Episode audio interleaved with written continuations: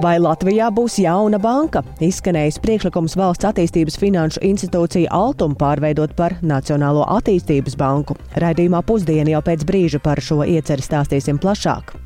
Kopš Izraēlas sāktajām militārajām operācijām Gāzes joslā Eiropā un arī citviet pasaulē ir ievērojami pieaudzis antisemītisko incidentu skaits.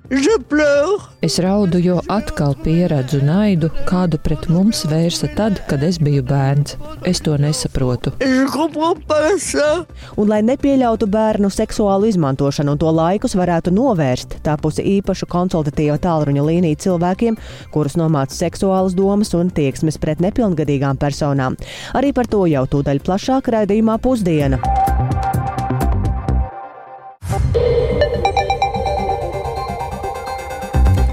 Divpadsmit un piecas minūtes skanējuma sāk ziņu raidījums pusdiena, un tajā plašāks skaidrojums par šajā dienā, 1. novembrī, būtisko studijā Dāca Pēkšēna. Esiet sveicināti!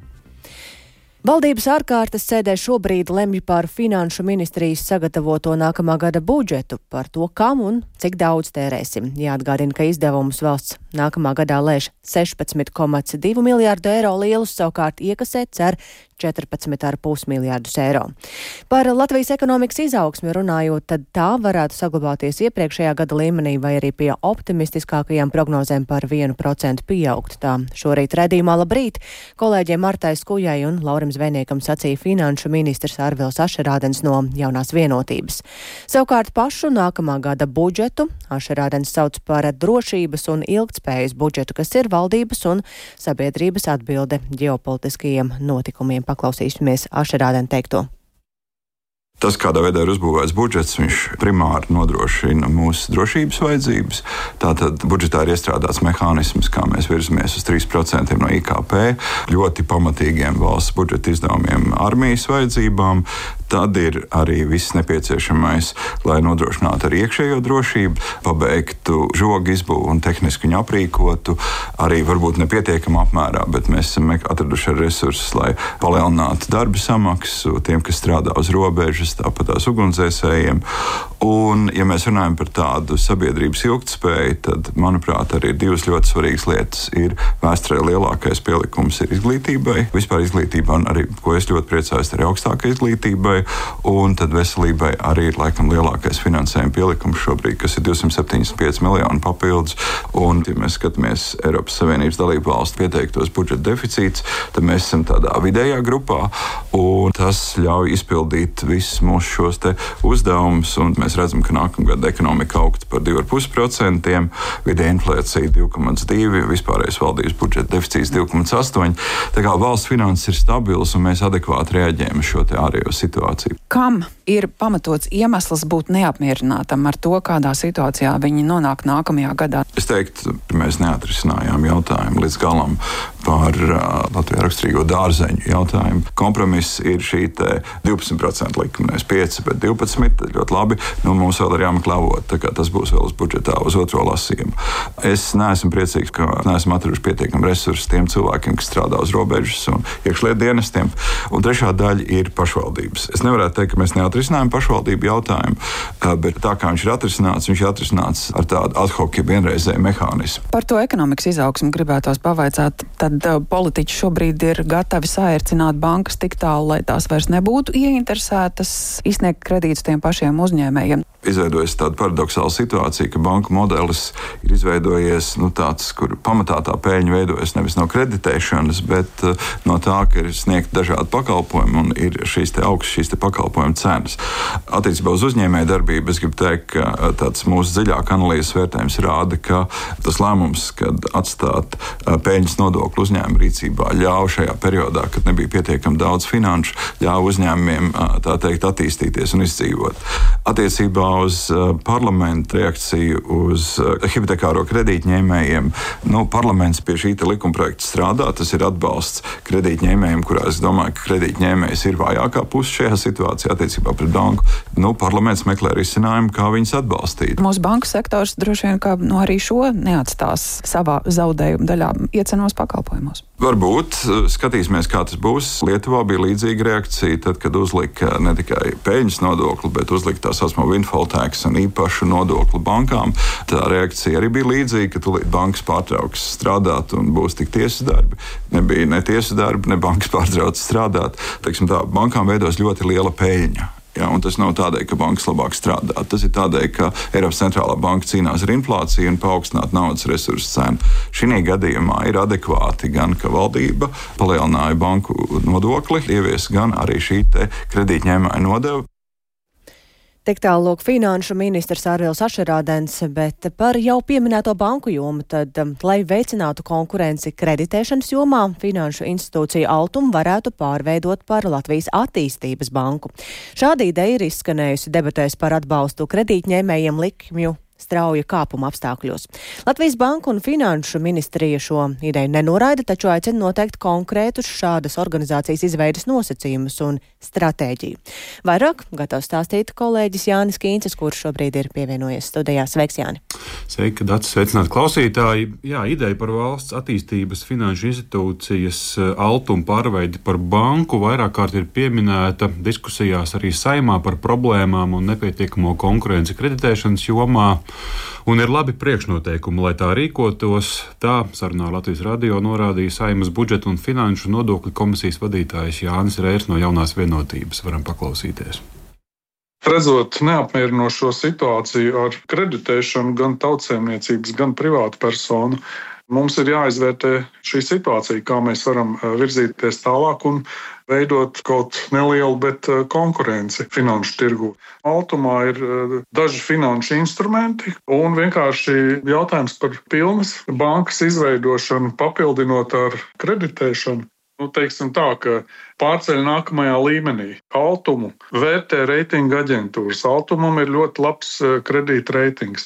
Altumam ir labas iespējas aizņemties finanšu tirgos. Un es domāju, ka valsts var iejaukties, lai novērstu tirgus trūkumus. Trūkumi ir kreditēšanā, piemēram, reģionālā kreditēšana. Altum ir valsts kapitāla sabiedrība, kas ar valsts atbalsta finanšu instrumentu palīdzību atbalsta dažādas eh, mērķa grupas ar aizdevumiem, garantijām, ieguldījumiem, riska kapitāla fondos un citos veidos, tajā skaitā arī sniedzot konsultācijas.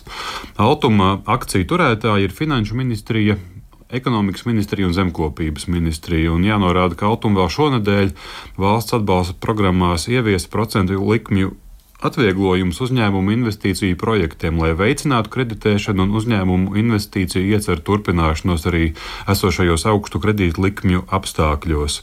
Idejai Altumu pārveidot par banku šķēršļus nesaskata arī lielākais akciju turētājs Finanšu ministrija un Latvijas banka, taču, process, taču šis process iestādes pārveidē būtu uh, ārkārtīgi precīzs un arī laikietilpīgs vairākus gadus. Līdz šim piecus gadus Altuma darbojās tirgus trūkumu novēršanā, un, lai pārveidotu par banku, vajag precīzu biznesa plānu un kapitāla piesaistes plānu pirmajiem trīs gadiem, lai sagatavotu arī bankas licences pieteikumu Eiropas centrālajai bankai. Tā klāstīja Latvijas bankas pārstāve. Tātad šodien saimnes eh, budžeta komisijā notikušajā, jāsaka, pirmajā šāda formāta diskusijā par šo ideju neizskanēja noraidoši viedokļi, un komisija tuvāko nedēļu laikā no Altuma akcionāriem sagaida pārskatu par citu Eiropas valstu pieredzi attīstības aģentūru darbībā un ceļa karti Altuma pārveidēji par banku. Vienlaikus Finanšu ministrija arī aicina izvērtēt, vai Altuma kā attīstības finanšu institūcija, ko, labu, ko vairāk var darīt arī esošajos esošajās, esošajos ietvaros. Un detalizētāk par šo plānu arī programmā pēcpusdienas stāstīsim. Paldies Jānim Kīnsim, un šajā brīdī mēs turpinām ar citiem notikumiem. Kopš Izraels sāktajām militārajām operācijām Gazas joslā Eiropā un arī citviet pasaulē ir ievērojami pieaudzis antisemītisko incidentu skaits. Francijā šobrīd ir sākusies izmeklēšana par antisemītiskiem grafitī, kas šonadēļ parādījās uz ēku sienām galvaspilsētā Parīzē. Varas iestādes ir nopēlušas šādu rīcību un solījušas sodīt atbildīgos. Un tāpēc šobrīd studijām kolēģis Uldis Tiesberis. Uh, viņš ir gatavs vairāk pastāstīt par šo problēmu un tad vispirms par Parīzi, kā, par ko tur ir sākt izmeklēšana. Jā, labdien! Policija ir uzsākusi izmeklēšanu par īpašumu bojāšanu ar rasistisku nolūku, un izmeklēšana ir saistīta ar to, ka Naktī uz otrdienu Parīzes 14. rajonā un arī vairākās Parīzes priekšpilsētās uz māju sienām tika uzpūstas zilas Dāvida zvaigznes ko vietējie iedzīvotāji un arī varas iestādes ir uztvēruši kā naida izpausmi pret ebrejiem un Izrēlu. Nu, kā zināms, tad pagājušā gadsimta 30. gados nacistiskajā Vācijā ebrejiem pie apģērba obligāti bija jānēsā dzeltenā sešstaru Dāvida zvaigzne kā atpazīšanas simbols. Cilvēki, kuri dzīvo ar šiem grafiti apzīmētajās mājās, pēc notikušā bija sašutuši un arī nobijušies, un kāda vietējā ebrejiete nespēja novaldīt asaras, kad žurnālisti viņu izjautāja par incidentu, un varam arī to noklausīties. Es raudu, jo atkal pieredzu naidu, kādu pret mums vērsa tad, kad es biju bērns. Es to nesaprotu. Jā, un šī Parīzes 14. rajona pašvaldība paziņoja, ka notikušais atgādina 30. gadu notikumus, kas noveda pie miljoniem ebreju iznīcināšanas. Savukārt Francijas iekšlietu ministrs Žeralds Darmanēns vērsās pie vietējiem ebrejiem ar paziņojumu, ka varas iestādes viņus pilnībā aizsargās. Kopš 7. oktobra, kad Izraela uzsāka militārās operācijas Gazas joslā, Francijā ir reģistrēti vairāk nekā 850 antisemītisku incidentu, un tas ir aptuveni tikpat daudz, cik līdz tam visa gada laikā, un saistībā ar šiem incidentiem ir aizturēti vairāk nekā 400 cilvēku. Eh, Francijas premjerministre Elizabete Borna, kuras tēvs otrā pasaules kara laikā izdzīvoja nacistu nāvis nometnē Aušvicā, vakar sacīja, ka notiekošais eh, tuvajos austrumos neattaisno antisemītismu, tāpēc Francijas valdība to bez žēlstības arī apkarošot. Tas par Franciju, bet kāda ir situācija citvietā Eiropā?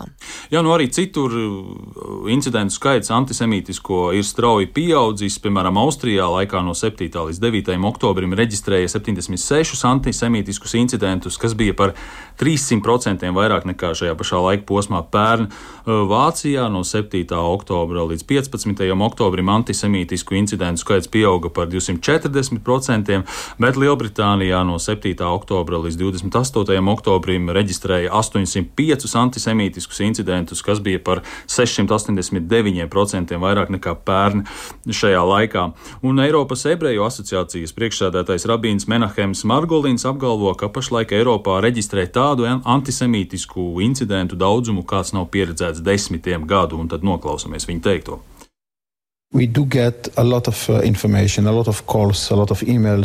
Mēs saņemam daudz informācijas, daudz zvanu, daudz ēpastu no ebrejiem visā Eiropā, gan no privātpersonām, gan no iestādēm, sinagogām, skolām. Cilvēki uz ielas saņem daudz vairāk aizrādījumu, daudz vairāk naidpilnu skatienu un aicinājumu uz nāvi un fizisku izrēķināšanos. Pašlaik daudz, ļoti daudz cilvēku vēlas stiprināt savu mājokļu aizsardzību, uzstādīt video novērošanas kameras, ielikt ložu necaurlaidīgus logus un uzstādīt ugunsdrošas durvis. Un tomēr daudzi cilvēki saprot, ka ar to nepietiek. And yet, uh, Jā, bet Eiropas Savienības eh, pamatiesību aģentūras direktors Maikls O'Flahertīs, eh, atsaucoties uz sabiedriskās eh, domas aptaujām, ir norādījis, ka antisemītisms ir dziļi iesakņojies Eiropas sabiedrībā un tāpēc rada eksistenciālus draudus vietējām ebreju kopienām. Paldies, tik tālu Uldis Česberis, bet jāpiebilst, ka Latvijā policija pēdējā laikā nav saņēmusi informāciju par konfliktiem, kas būtu saistīti ar antisemītismu. Rīgas ebreju kopienā norāda, ka Latvijā un visā Baltijā ebreji jūtas droši, ebreju apsētu demolēšana un piemiņas vietu apzīmēšana ar svastiku tiek uztvērtas kā marginālas eh, grupas huligānisms, nevis reāls drauds, nevis reāls drauds ebreju drošībai. Tā ebreju kopiena ir atzinusi intervijā Latvijas televīzijai Panorāmai. Bet šis ir arī laiks, kad plašumā vēršas dezinformācija un Kremļa propaganda. Tās uzmanība ir piesaistījis sakāpinātais notikuma atspoguļojums par izglītības metodēm Ānis bērndārzā Jelgavas novadā. Izglītības iestāde ir saņēmusi apvainojumus, ka bērnus pazemojot krievu valodas lietošanas dēļ, un saistībā ar notikušo bērnu dārs ir vērsies valsts policijā un valsts drošības dienestā. Vairāk par šo situāciju zina stāstīt kolēģi Paula Devica, kura šobrīd ir pievienojusies mums studijā. Un, sveika, Paula, izstāsta, kas tad īsti ir noticis šobrīd. Labdien, Dārcis! Sveicināt arī klausītāji! Šobrīd Jālgaus pašvaldības izglītības pārvaldē ir aizdoms par konkrētu politisko partiju pārstāvju apzināti veidotu dezinformācijas kampaņu, lai emocionāli uzkurinātu krievalodīgo auditoriju. Un pamatā šai kampaņai ir ņemtas izglītības metodas Ānas bērndārzā, kur šobrīd notiek aktīvi darbs pie tā, lai bērni uzlabotu savas latviešu valodas prasmes. Un par to stāsta vairāk bērnu dārza vadītāja Inese Jumīte. Jau vairākus gadus iestādē mēs nerealizējam mazākumu tautību programmu, un līdz ar to tādu zinām lomu, svarīgu lomu mācību procesā mums ieņem valsts valodas apgūšana.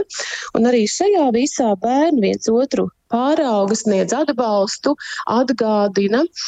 Un viena no šīm aktivitātēm, kas tika kopā ar bērniem un skolotāju izrunāta, šobrīd tiek pavērsta kā agresija pret bērniem no pieaugušo puses, ko vecāki sākotnēji bija pārpratuši, Jā, sīkāk par gadījumu, kurš sākotnēji pievērsis vecāku uzmanību, Jumīta nestāsta, taču šīs izglītības metodas ir pārunātas vairākās uzraugošās iestādēs, un līdz ar to ir aktivizējis arī kāds Jelgavas pilsētas domas deputāts Andrejs Pagors no Latvijas Krievas Savienības. Viņš ne tikai neaicināts ieradies uz vecākiem domāt sapulcs un filmējis dažādus materiālus, bet arī vēlāk radījis saturu un ievietojis sociālajos tīklos. Savukārt tālāk šo saturu savos raidījumos jau izmantoja Krievijas propagandas kanāli.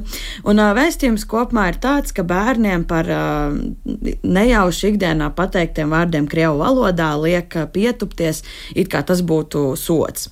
Un uh, vēlreiz uzsvēršu, ka Pagors nav novada pašvaldības deputāts, bet gan Jelgavas valsts pilsētas, taču notikumu risinājās Jelgavas novadā. Dace. Jā, nu te ir jautājums, ko par to visu saka drošības iestādes. Jā, šobrīd uh, mums ir informācija no policijas, ka tā tad ir saņemts uh, iesniegums par šiem notikumiem, un tas arī tiek vērtēts, taču pirms tam gan policija no plašākiem komentāriem atturas. Uh, Bērndārs vērsies arī valsts drošības dienestā, un nu jau arī pašvaldības izglītības pārvalde ir atsevišķi vērsusies abās šajās drošības iestādēs par etniskā naida kurināšanu un dezinformācijas izplatīšanu, un uh, konflikts tiek risināts arī caur Bērnu tiesību aizsardzības inspekciju izglītības kvalitātes valsts dienestu un tiesību sargu, kur sākotnēji vērsās neapmierinātie vecāki, taču mazliet vēlāk arī 21 citas ģimenes vecāks ir vērsies šajās iestādēs, lai izteiktu atbalstu Ānas bērndārzam. Šie neapmierinātie vecāki pēc tam vairs nav pauduši atkārtot kritiku un iestādē ir veikts apsakošanas. Pašvaldība informē, ka tā bērnu pazemošana nav konstatēta, tomēr te, šis te deputāts Pagors joprojām turpina izplatīt šos te apvainojumus bērndārs virzienā internetā. Paldies Paulai Devicai par um, šo situācijas skaidrojumu. Bet šajā brīdī vēl kāds temats. Te jau desmit gadi ir pagājuši kopš Zolitūdas traģēdijas, kad sabrokot lielveikalam Maksima dzīvību zaudēja 54 cilvēki, bet upuru piemiņas vietas joprojām nav. Atceres dārzu, kura cietušie bojā gājušo tuvinieki varēs netraucēti noturēt piemiņas brīžus, bet pārējie mierīgi atpūsties cer pabeigt 2025. gada pavasarī. Šodien būvlaukuma apmeklē Rīgas domas amatpersonas, tikmēr iedzīvotāji, lai arī ir gandarīti par jauno ieceru norādu uz krietno kavēšanos. To, ko viņa sacīja kolēģei Sintijai Ambotei, um, vaicāsim tūdaļ, um, jo viņa ir tikko atgriezusies no Zolotūdas un pievienojas mums tiešraidē. Sveika, Sintija, un saki, kā tad laukums šobrīd izskatās un kā tur izskatīsies vēlāk nākotnē? Sveika, Dārts! Sveicināti radio klausītāji! Šobrīd Zeltūdas traģēdijas vieta Priedēnas ielā 20 ir norobežota, un tur vēl turpinās dažādu objektu demontāža, proti strādnieki nojauc tur palikušo pazemes stāvvietu un garāžu, lai pēc projektēšanas posma piesaistītais būvnieks jau varētu sākt parka būvdarbus. Pērn Rīgas doma metu konkursā izraudzīja Sijā Alps ainavu darbnīcu risinājumu un iecerēts, ka Zeltūdas atceras dārza ainavisko ansambli veidos laukums, kurā būs izvietotas 50 54 spoguļveida sfēras no nerūsējošā tērauda, netraucējot šķērsot arī laukumu, bet piesaistot gājēju uzmanību tur pirms desmit gadiem bojā gājušo piemiņai. Un šīs sfēras būs dažādi izmēri, tā simbolizējot uh, bojā gājušo dažādo vecumu. Tāpat laukumam līdzās tiks uh, veidots parks ar kokiem un bagātīgiem apstādījumiem, un šajā vietā būs arī īpaša siena ar visu bojā gājušo vārdiem un uh, vietas vecēm. Pilsētas attīstības departamenta pārstāvi norāda, ka atceres dārza atklāšana plānota 25. gada pavasarī uz vietas. Um, Pie šī būvlaukuma izvietotas arī lielzmēra vizualizācijas, kā šie piemiņas parks un arī laukums izskatīsies. Un es apvaicāju arī garām gājējus, Zoltūdas iedzīvotājus, kas atzina, ka ir priecīgi par šo vīziju un jau konkrētiem termiņiem. Vienlaikus cilvēki jau tomēr ilgstoši gaida šo labiekārtošanu, un daļa aptaujā to sagaida arī kaut kādu virzību ar līdzās esošo daudzdzīvokļu māju, kas ir neapdzīvota visus šos desmit gadus, un varam paklausīties iedzīvotāju pārdomas. Vajadzēja ātrāk, tāpēc, ka cilvēki mīl šo vietu. Un uh, nav šeit ne priekš auto, ne priekš kā, bet tāda vieta ir nu, kā svitāja. Es domāju, ka tā ļoti laba doma. Viņš ļoti skaists, manuprāt, Jā. interesants. Protams, ka vieta ir ar piemiņas zīmi. Jebkurā gadījumā viņa tāda arī paliks vismaz visu iedzīvotāju prātos. Bet viņa būs sakārtot un, un skaista. Bet, um, šī māja, man liekas, arī arhitektoniski, nu, viņa ir nesaprotama. Jā, arhitektam, protams, ir bijis savs, savs nodoms, bet viņa arī šajā ainavā, man liekas, pilnīgi neierakstās. Nu, es ceru, ka pilsēta kaut ko domās arī attiecībās sarunās ar šiem privātīpašniekiem. Nu, jā, būtu labi, ja tur būtu pašas kaut kāda piemiņas vieta ierīkota. Un kā to māju skaties, es saprotu, ka māja nenojauks vēl tuvāk. Jā, tas gan ir ļoti žēl. Man liekas, ka to māju vajadzētu jaukt parks un piemiņas vieta ir atbilstoši, kā liekas? Manuprāt, jā. Tikai nu, es, es nezinu, ko darīt ar to māju. Jo it kā nojaukt arī īsti tas, tas īpašnieks negrib. To māju vienkārši izmantot, nu, kaut kā renovēt un, un, un restaurēt. Un varbūt, uh, nu, es, es neiebilstu, ja tur arī dzīvot cilvēki. Un tur apakšā būtu tāds maziņš parks, uh, kur ir piemiņas vieta. Nu, jā, savukārt pašvaldības pārstāvja norādīja, ka šī Zeltūdas piemiņas um, vietai līdzoš, līdzās esošā ēka joprojām ir privāta investora Igauņu uzņēmuma Prāna Property pārziņā, un vietvarai ir informācija, ka īpašnieks plāno turpināt būvniecību un šo ēku kādreiz arī pabeigt. Paldies Sintējai Ambotai, tātad runājām par Zeltūdas traģēdijas piemiņas vietu ko cer pabeigt 2025. gada pavasarī. Bet, lai nepieļautu bērnu seksuālu izmantošanu un to laikus varētu novērst, ir tapusi īpaša konsultatīva tālruņa līnija cilvēkiem, kurus nomāca seksuāls domas un tieksmes pret nepilngadīgām personām. Ko tas īsti nozīmē? Vai ar šādu probācijas dienestu projektu tiešām ir reāli novērst noziegumu? To interesējās kolēģi Agnija Lazdeņa, ar kuru šobrīd esam sazinājušies tiešraidēs. Sveika, Agnija! Tu tikko es uzklausīju ekspertus par šo ieceri. E, izstāst arī mums vairāk, ko nozīmē šāds pilotu projekts.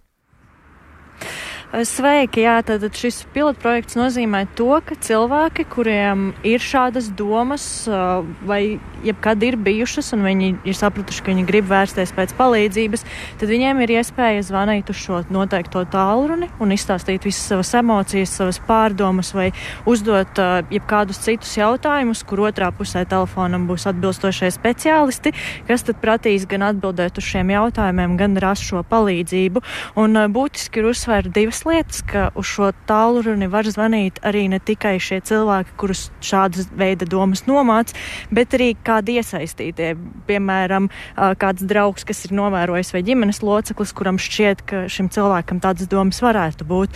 Un otra lieta ir tā, ka šie cilvēki, kas zvanīs, viņiem ir iespēja palikt anonīmiem, viņiem neviens vārdu neprasīs un neviens viņus, teiksim, neuzskaitīs. Protams, izņemot tādos brīžos, ja, piemēram, šī persona atzīs, ka ir veicis jau šo noziegumu, jo tad attiecīgi tiks veiktas šāda veida darbības. Bet šādu līdzīgu tālruni jau kopš 2002. gada realizē Lielbritānijā un Īrijā, un šajā sanāksmē mums stāstīja pārstāvis no Lielbritānijas un Īrijas, ka šis projekts ir ļoti veiksmīgs tur, jo dienā ir aptuveni 60 līdz 70 cilvēki, kas zvano šo tālruni un kas lūdz palīdzību darbu, un uh, ka šādā veidā ir izdevies novērst jau pašā saknē šos uh, dzimumu noziegumus, jo, kā uzsver visi eksperti, ka šis ir veids, kā vērsties uh, pašā, pašā pamatā un nevis gaidīt, kad cietušais runās, bet vērsties jau pie šīs otra cilvēka, kas iespējams ir potenciālais cilvēks, kas pāri darījumu varētu veikt. Jā, tad es no tevis sapratu, kā tu teici, šis tālrunis būs anonīms. Tas jau šobrīd darbojas.